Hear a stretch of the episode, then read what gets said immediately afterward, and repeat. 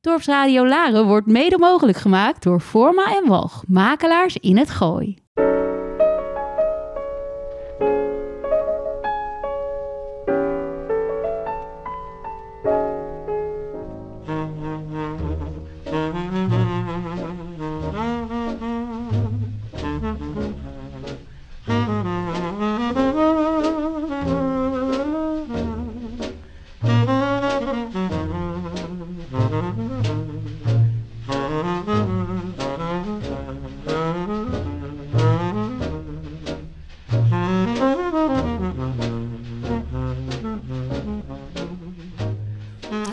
Goedemorgen. Welkom bij Praatvogels, aflevering 2. Elke zondagmorgen vanaf 11 uur vertellen wij u verhalen van. Verdriet en vreugde. Leven en dood, liefde en haat. En vandaag brengen wij u drie verhalen van Kees van Koten. En waarom van Koten? Nou, wel om de volgende redenen. Kees van Koten schrijft verhalen die door u gehoord moeten worden. Bovendien is hij net zo oud als ik, dit jaar. Dat was overigens tien jaar geleden, toen ik in de krant las dat hij 70 was geworden, ook al zo hoor. Maar er is nog meer. Wij beiden genieten grijs haar. En wij bereiden ieder een herenrijwiel van middelbare leeftijd. Een gazelle van onbestemde kleur uit de jaren 80 met drie versnellingen en kloeke handremmen. Daarom dus. Wij wensen u veel luisterplezier.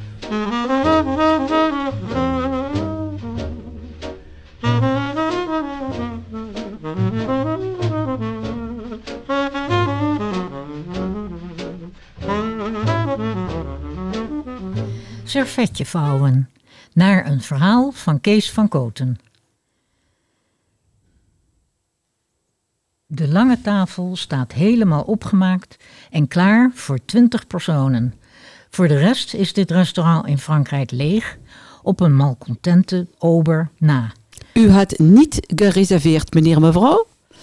Eh bien voilà, u kunt aan dat tafeltje in die hoek daar gaan zitten. Uh, blieft u een aperitief?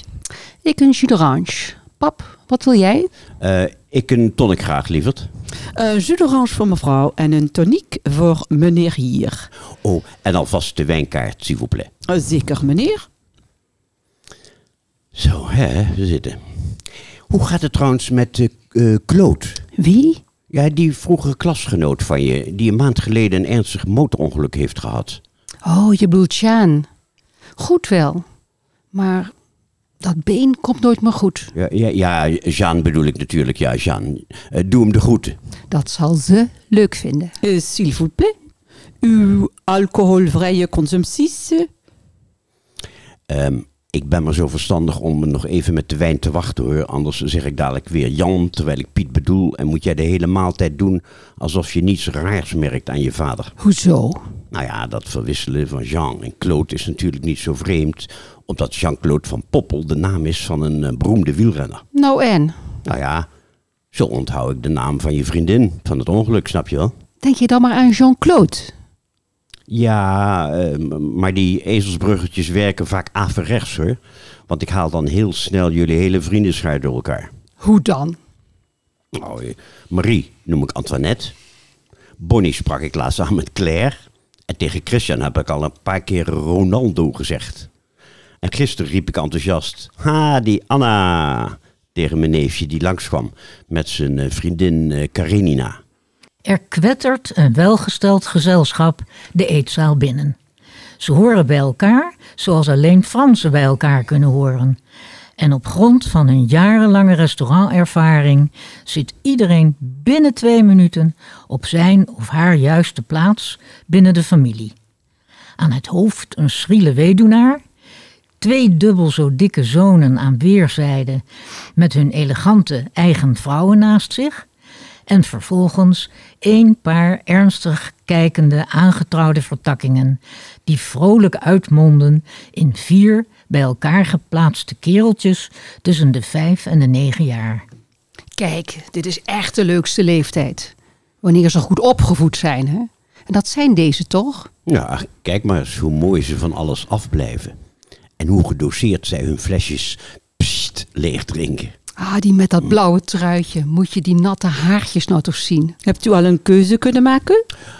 Ehm, ja, eh, wanneer wij rustig naar die vier mini-Fransmannetjes mogen blijven kijken, madame, kunnen we hier best een uurtje blijven zitten zonder eten of drinken en zonder ons te vervelen.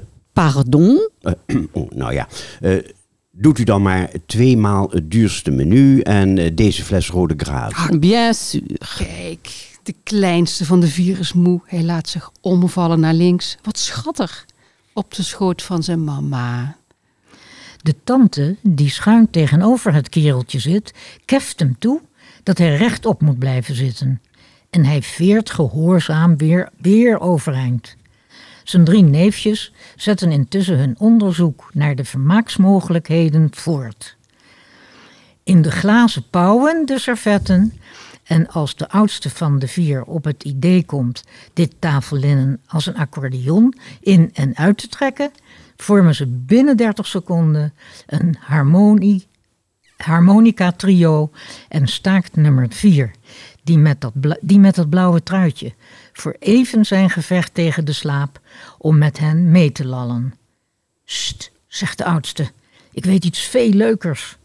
Hij kijkt snel en sluw opzij of de familie hem niet in de gaten heeft, strijkt voor zich het servet glad en begint dan met bol geblazen wangen van de concentratie de punten naar binnen te vouwen. Oh, oh, kijk, ja, dat was ik helemaal vergeten.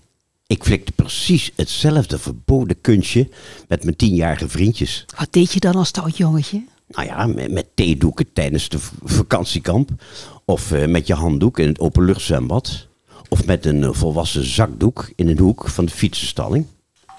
Kijk dan. Nu verricht hij nog drie overhandse grepen. Corrigeert nadenkend ten laatste. En kijk nou, hij begint te stralen. Ja, ja, nou precies wat ik zei. Zie je wel? Ah, armpjes gespreid en geroutineerd als een standwerker. Apetrots houdt hij een klein wit BH'tje met puntige cups omhoog. De kleinste van de vier begrijpt niet onmiddellijk welk huzarenstukje hier wordt uitgehaald. Maar als de komiek het BH'tje voor zijn borst spant en uitdagend met zijn schouders begint te wiegen, verslikt hij zich van ongeloof en bewondering in zijn limonade. Oei, dat trekt vast de aandacht van zijn moeder. En dan verkoopt ze hem natuurlijk nog zo'n klassieke Franse pets om de oren. Jouw gezicht staat helemaal scheef van vertedering. Ach, het vouwtje blijft als versteend zitten. Kijkt jou recht in je gezicht. En hij weet in zijn ronkende schaamte niets anders te doen dan zich met zijn BH'tje en al onder de tafel te laten zakken. Ah, madame, maman, vive les enfants. Ah oui, c'est international, n'est-ce pas? Ze zitten nu alle vier onder tafel te proesten. Kleine versierder. Kijk, hij loert heel scheel naar je. Wat heeft hij nou op zijn hoofd? Het ontvouwde servet als een pannenkoek. Ah, die komt er wel. Ja. Zeg, zit die aantrekkelijkste van die twee tantes nou naar mij te kijken? Pap, foei. Zie je wel? Het begint steeds vroeger en het houdt nooit meer op.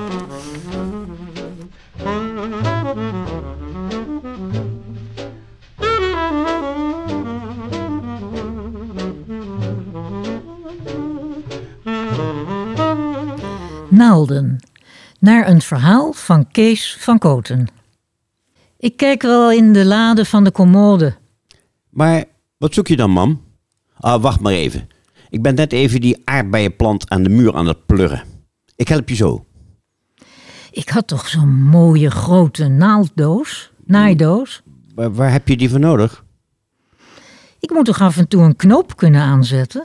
Ah, wel nee. Dat doen de zusters hier allemaal wel voor je. Ik laat jou toch zeker niet zonder knopen aan je jasje rondlopen. Eh, ja, ja, dat is waar. Nou ja, weet je wat? Eh, ik zal voor de zekerheid een klosje garen voor je halen op de laan. En een paar naalden. Ga jij nou maar even lekker in de zon zitten. Wil je een verse aardbei? Niet plukken, laten hangen voor de vogels. Naald en draad. Op die anderhalve kilometer lange Haagse Frederik Hendriklaan met zijn bijna honderd winkels is verdomme nergens nog naald en draad verkrijgbaar. Ja, een mevrouw die er zelf nogal verstelbaar uitziet, adviseert mij het sorbohoekje bij Albert Heijn. Maar in het knusse sorbohoekje hebben ze wel klosjes naaigaren in wit en zwart, maar geen naalden. Meneer, Even verder kijken. meneer, Hm?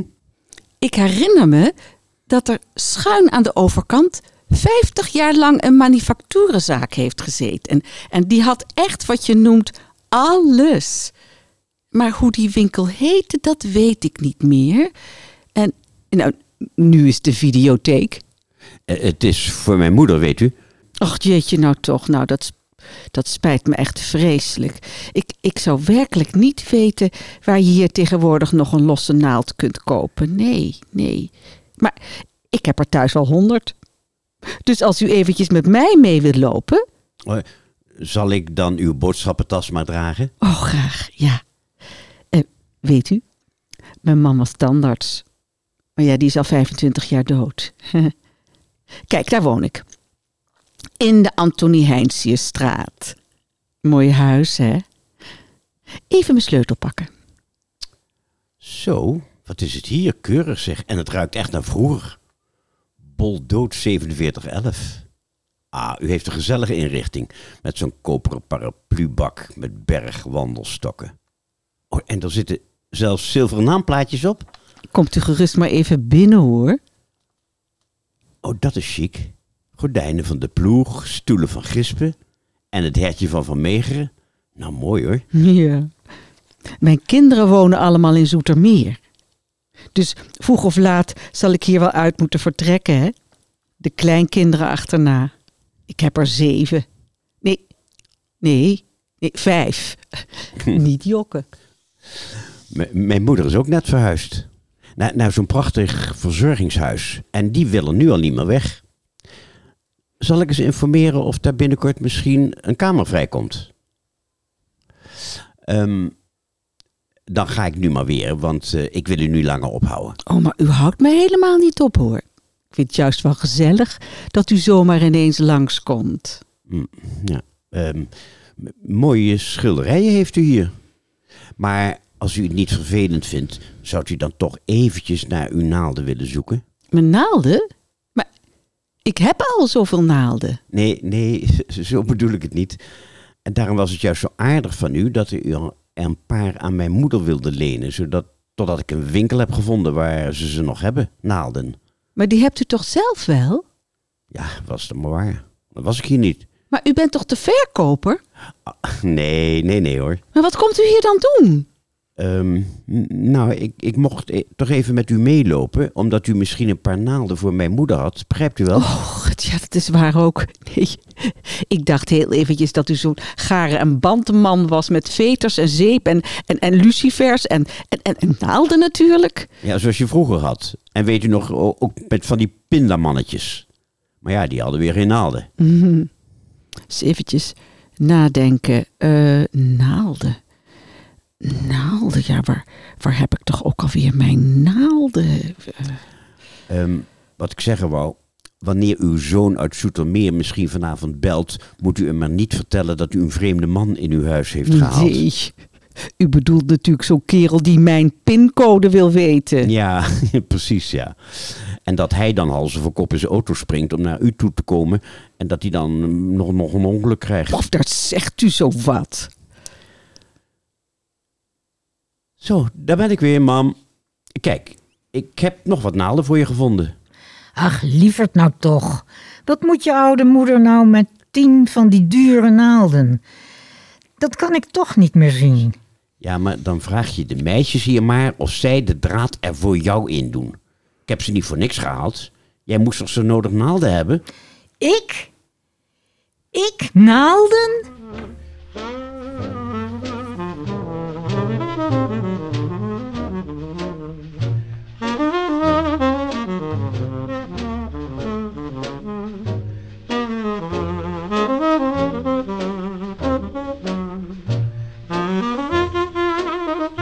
Kernheimer.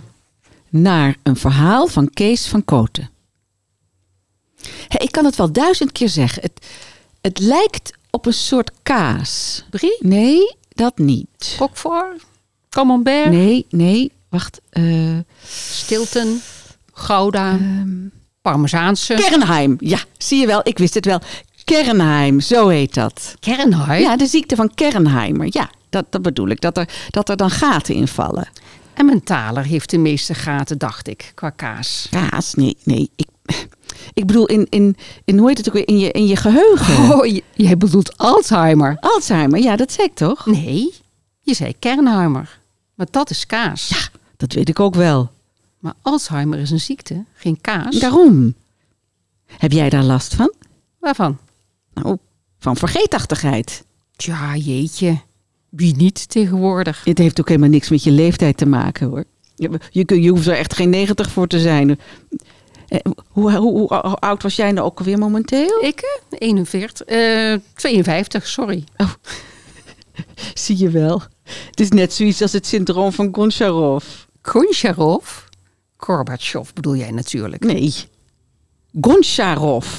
Ja zeg, ik ben niet gek. Dat krijg je toch door te veel alcohol drinken? Elke avond wijn en kaas bij de open haard. Wacht even hoor. Goncharov? Nee. Hoor mij nou. Ik, ik, ik, ik bedoel natuurlijk Korsakov. Het Korsakov-syndroom. Maar Korsakov, dat is toch die, die componist? Wie? Remco Korsakov. Nee, nee, het is Rimsky-Korsakov. En Rimsky-Korsakov componeerde de sabeldans. En bij die muziek heb ik altijd het gevoel dat ik voortdurend spitsroede moet lopen. Ik weet niet of dat met te veel alcoholgebruik te maken heeft. Zeg, ik, ik las ergens, waar stond het ook alweer? Ik geloof in HP de Te- Nee, in de Linda, ja. Wat? Nee, in het cultureel supplement van het NRC. Of, of van de Volkskrant. Nou, dat kan het ook geweest zijn. Maar goed, Hè? hoezo hè? Wat las je dan? Ik? Ja, je las wat, zei je.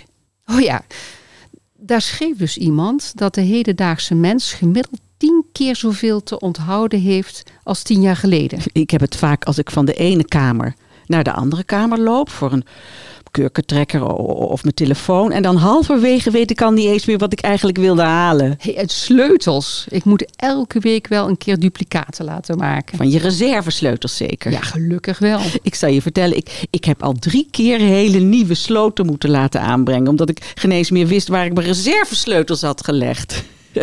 en met name heb ik het ook zo erg, hè? Van de week. Het was eh, dinsdag, of nee, woensdag, ja, nou, zoiets. Vorige week dus. Hoezo vorige week? Het is vandaag toch maandag? Maandag? Echt, moet je nagaan. Nou, toen kwam ik dus, hoe heet ze ook alweer tegen? Welke, hoe weet ze ook alweer? Ach, je kent het toch wel? Ze, ze doet in die dingen waarmee je hoe heet dat kan vervangen. Maar, maar ze is natuurlijk met verlof, want ze hadden hun eerste baby gekregen. Wie? Nou, zij en de vrouw. En wij hadden nog net zo'n heel leuk vrolijk dingetje gestuurd. Vrolijk dingetje. Ja, zo- zo- zo'n rond blauw dingetje dat piept als je erin knijpt. Je, je ziet ze overal. Nou, van die dingetjes. Ze zullen wel weer uit China komen. Dus ik kom haar tegen met kinderwagen. En ik wil vragen hoe het ermee gaat. Kan ik toch met geen mogelijkheid meer op die naam komen? Op welke naam? Van dat kind. Wat wou ik nou ook alweer zeggen? Van dat roze dingetje toch? Oh ja, oh ja, ja, precies. Dus ik zie dat kind. En dan weet ik bij God niet meer of het nou een jongen of een meisje was. Dat ken ik ja. Het gekke is dat ik dan vaak wel de naam van een hond weet, om maar wat te noemen. Er zit geen lijn in. Maar toch is dat geen reden voor ongerustheid hoor, want dat heb ik ook. Wat? Waar kwam ik nou bijvoorbeeld vandaan voordat ik jou zag? Vandaar? Nee. Nee, vandaar. Precies. Dus dan ben ik op weg naar huis en voor hetzelfde geld was ik braaf naar mijn werk gegaan. Ik zal je het nog sterker vertellen. Ik had van de week weer zo'n leuke date, hè. Ene Ronald... ehm, Ronald Bos? Hè? Ja, ja, Ronald Bos. Nou, we zitten aan de bar. We hebben het heel erg naar onze zin. We hadden een echte klik, zal ik maar zeggen. Vertelt hij ineens dat hij een vriendin heeft. Ja, zeg. En, en- en ze werkt bij Huppelepup. Hupplepup? Ja, Huppelepup en Partners. Maar ja, daar is ze weer weg. En tegenwoordig zit ze dus bij bureau Dinges en Dinges. Wat heb je toen gezegd? Nou, omdat ik even naar de wc moest. Wat heb je tegen hem gezegd? Nou. Niks. Niks. Nee, hij heeft haar naam wel gezegd, maar Jij moet er volgens mij wel kennen, maar als je mij zou vragen hoe dat mens heette. Nee, als sla je me dood. Dat wou ik net gaan doen. Zet die zonnebril eens af. Vuile sloerie dat je bent.